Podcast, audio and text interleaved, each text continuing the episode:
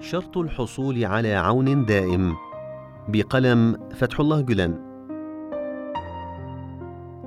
كنا تائهين ضائعين مشردين هنا وهناك فأدركنا الله برحمته وأبلغنا بفضله وكرمه مواطن من الخير والعطاء يتعذر أن نصل إليها بحولنا وقوتنا.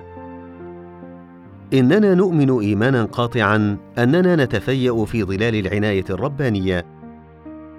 ومن المهم التنبه إلى أمر ينبغي الالتزام به حتى لا ينقطع التأييد الإلهي والعطاء الرباني الذي لا يفتأ يهطل على رؤوسنا كالغيث.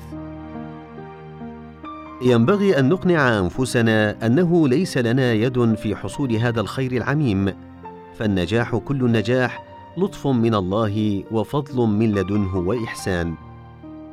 فإذا آمنا بذلك فقد جنبنا أنفسنا شوائب الشرك وأنجيناها من الأوهام التي تظل النفس تضخها في دواخلنا لكي تضخم أنانيتنا.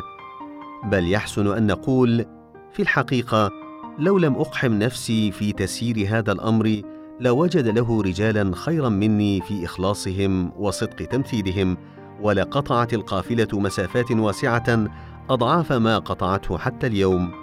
وأسفاه لولا كدورة نفسي لتجلى المدد الإلهي وفق صفائه المقدس على الخدمة الإيمانية وحسرتاه فقد ارتطمت تجلياته بفيروسات انانيتي وتحطمت على ضعفي وسيئاتي أجل بسبب أنا تعثرنا وتأخرنا عن المواقع التي قصدناها وابتعدنا عن المراقي التي حلمنا بها بل ينبغي تكرار هذا السؤال يا نفس! كم إنسانا قتلت حتى اليوم؟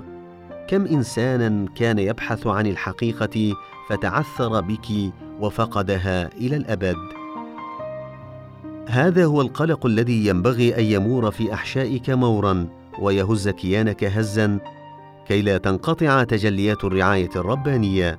ومن ثم كلما عظم النجاح الذي تم على يديك بادر إلى نكران ذاتك وتدلل أمام الله وانكسر بين يديه وتعمق في العبودية له. ذلك أحرى بك كي لا تنسحق تحت أثقال أنانيتك. اغرس هذه الفكرة في روحك وثبتها في قلبك حتى تصبح جزءا من كيانك وبعدا من أبعاد طبيعتك.